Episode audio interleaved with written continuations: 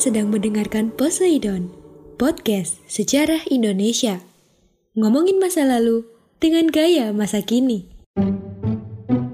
Hai, halo teman-teman semuanya. Berjumpa lagi dengan saya Alfa di Poseidon, podcast yang bikin kamu gagal move on. For your information aja nih, Poseidon sekarang udah masuk season kedua loh. Kalian bakal dapat kejutan bermacam podcast yang pastinya sangat menarik. Nah, pada podcast kali ini, saya akan mengajak kalian ke Eropa karena topik yang akan dibahas mengenai Renaissance dan Merkantilisme yang merupakan contoh dari peristiwa dan pemikiran penting di Eropa. Daripada lama-lama, yuk langsung aja disimak.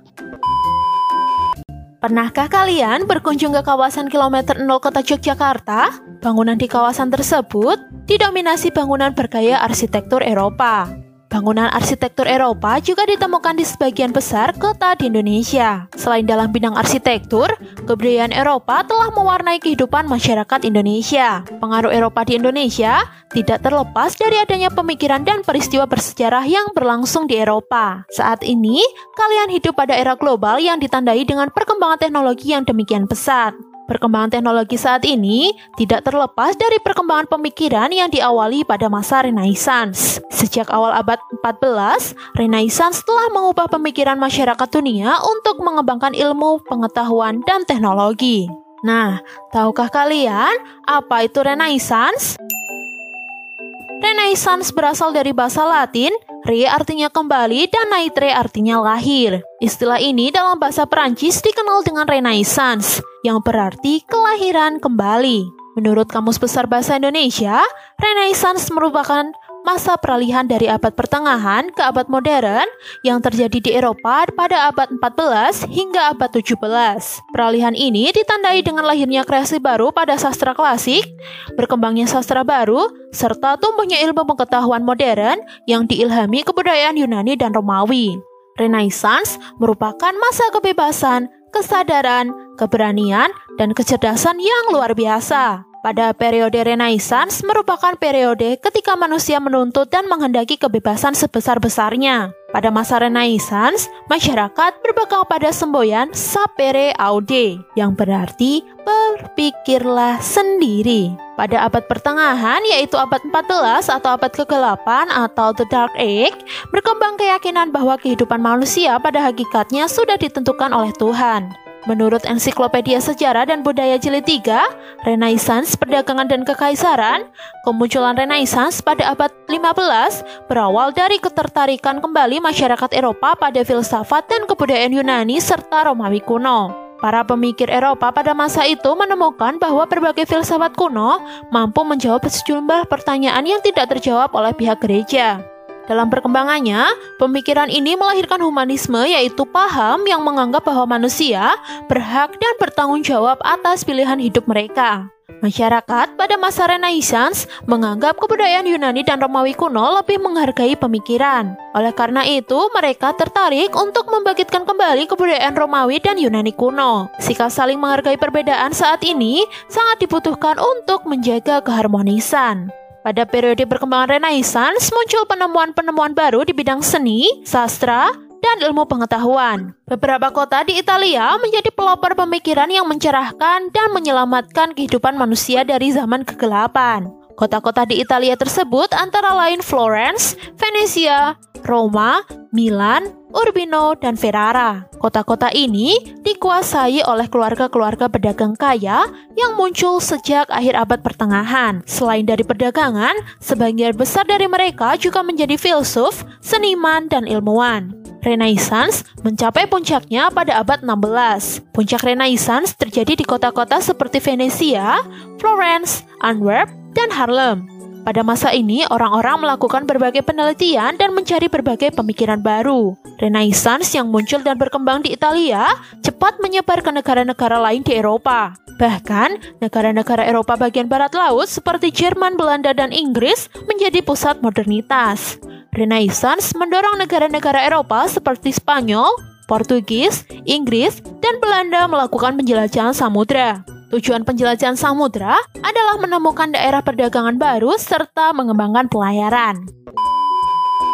Perkembangan ilmu pengetahuan dan teknologi saat ini tidak lepas dari pengaruh Renaissance. Renaissance mempengaruhi filsafat kesenian, ilmu pengetahuan, intelektual, arsitektur, dan seni patung. Dengan kemampuan intelektualnya, manusia mampu menemukan dan menghasilkan berbagai hal baru di bidangnya masing-masing. Renaissance menyebabkan orang mulai menemukan dirinya sendiri. Pengenalan terhadap diri sendiri merupakan kekuatan yang mendorong kreativitas. Inilah fase individualisme, yaitu manusia dikendalikan kesadaran dan rasio atau akal yang akhirnya mendorong lahirnya humanisme, modernisme rasionalisme, nasionalisme, dan absolutisme.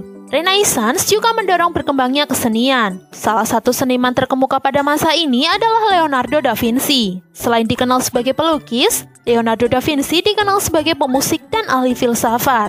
Pada masa ini juga muncul ahli-ahli sains seperti Nicholas Copernicus dan Galileo Galilei. Pemikiran kedua tokoh ini mendorong bangsa Eropa mengembangkan pelayaran dan penjelajahan untuk menemukan dunia timur. Melalui penjelajahan samudra, secara tidak langsung Renaissance telah menghubungkan belahan dunia barat dengan dunia timur. Kegiatan penjelajahan samudra mengantarkan bangsa barat ke Indonesia. Berdasarkan buku Complete History of the World, tujuan utama bangsa barat melakukan penjelajahan samudra adalah membangun jalur perdagangan baru dengan India dan Timur Jauh. Pada periode ini, dunia timur dikenal sebagai penghasil rempah-rempah dan barang mewah lainnya. Menurut buku Indonesia dalam arus sejarah jilid 4, kolonialisme dan perlawanan, pada perkembangannya bangsa barat yang datang di Indonesia berupaya menerapkan praktik kolonialisme. Meskipun demikian, hanya bangsa Belanda yang mampu menjalankan praktik kolonialisme di Indonesia dalam periode cukup panjang. Pada abad 19, arsitektur bergaya Eropa mengalami perkembangan yang signifikan. Pada masa ini, berkembang gaya arsitektur yang disebut Indis.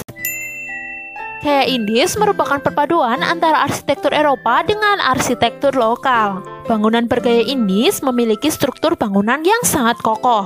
Gaya Indis tidak hanya berkembang dalam bidang arsitektur. Gaya Indis juga mempengaruhi gaya hidup masyarakat pada masa itu.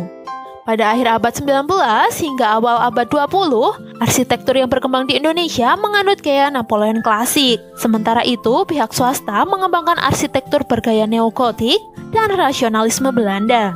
Gaya arsitektur tersebut dapat kalian lihat pada bangunan gereja belenduk di Semarang dan juga kantor-kantor Javas Bank di beberapa kota besar seperti Bandung, Medan, Surabaya, dan Jakarta. Contoh yang kedua adalah merkantilisme.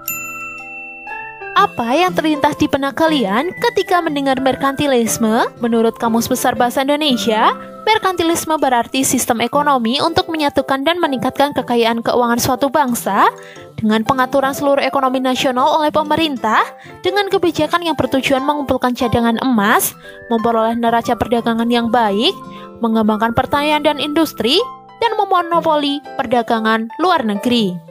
Dalam merkantilisme, jika suatu negara ingin mencapai kemakmuran, harus melakukan perdagangan dengan negara lain.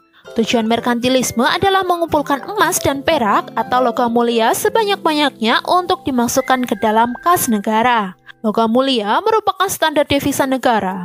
Dalam merkantilisme, jika suatu negara ingin mencapai kemakmuran, harus melakukan perdagangan dengan negara lain.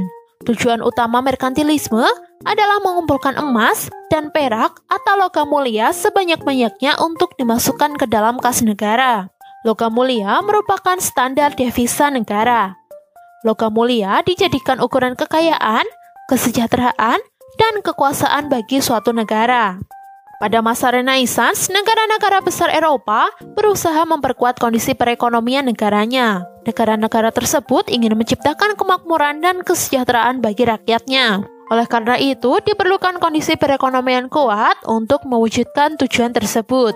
Keinginan menciptakan kondisi ekonomi yang kuat mendorong perkembangan merkantilisme. Merkantilisme yang dijalankan negara-negara Eropa tersebut mendorong berkembangnya kolonialisme dan kapitalisme negara-negara Eropa mulai melakukan kerjasama dalam bidang ekonomi. Mereka terlibat dalam kegiatan perdagangan internasional. Perdagangan internasional mendorong perkembangan pelayaran bangsa Eropa. Pelayaran bangsa-bangsa Eropa semakin berkembang pada era penjelajahan samudra. Penjelajahan samudra turut menyebabkan berkembangnya merkantilisme. Penjelajahan samudra dilakukan dengan tujuan berdagang dan melakukan ekspedisi pelayaran. Penjelajahan samudra berhasil menemukan daerah-daerah baru. Daerah-daerah temu pertemuan tersebut dimanfaatkan sebagai tempat untuk memasarkan barang produksi. Keberadaan pasar-pasar baru ini mendorong perkembangan perdagangan internasional. Dari sinilah merkantilisme mulai berkembang. Secara umum, Pelaksanaan merkantilisme di negara-negara besar Eropa dilakukan dengan membentuk organisasi dagang. Organisasi dagang ini bertugas mengatur kegiatan perekonomian negaranya. Organisasi dagang juga didirikan di daerah-daerah koloni yang bertugas sebagai perwakilan negara induk. Pada abad 19, merkantilisme berkembang menjadi kapitalisme. Kapitalisme menuntut adanya modal swasta yang berkembang untuk membangun perekonomian sebuah negara. Merkantilisme dan kapitalisme saat ini mengalami perkembangan yang sangat pesat. Negara-negara Eropa saat ini menjadi negara-negara yang memiliki perekonomian tangguh karena didukung kekuatan modal. Bahkan, modal dari negara-negara besar di Eropa mampu menguasai perekonomian di beberapa negara berkembang, termasuk Indonesia. Merkantilisme yang berkembang di Eropa pada abad 16 mendorong munculnya paham-paham baru. Paham-paham baru yang berkembang antara lain imperialisme dan kolonialisme. Kolonialisme merupakan paham untuk menguasai daerah atau wilayah oleh suatu negara guna memperluas wilayah kekuasaan. Setelah bangsa barat menemukan daerah baru, daerah tersebut dijadikan koloni atau daerah jajahan. Koloni digunakan untuk memperluas kekuasaan dan menunjukkan kepada negara lain keberhasilannya menyebarkan pengaruh. Pelaksanaan merkantilisme di Indonesia dikembangkan oleh organisasi dagang milik Belanda, yaitu Verenigde Oost-Indisch Company atau VOC. Praktik merkantilisme berlanjut pada masa kolonialisme Belanda di Indonesia. Pelaksanaan merkantilisme pada masa pemerintahan Hindia Belanda tampak pada pemberlakuan culture stelsel, sistem monopoli, dan praktik kerja paksa.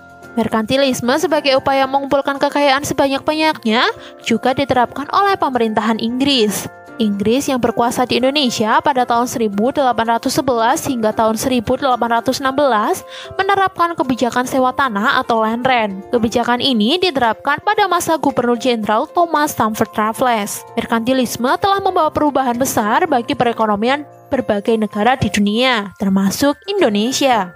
Di Indonesia, merkantilisme telah mendatangkan keuntungan besar bagi negara-negara Eropa seperti Inggris dan Belanda. Praktik merkantilisme juga mendatangkan penderitaan bagi rakyat Indonesia. Bagaimana menarik bukan pembahasan pada podcast kali ini?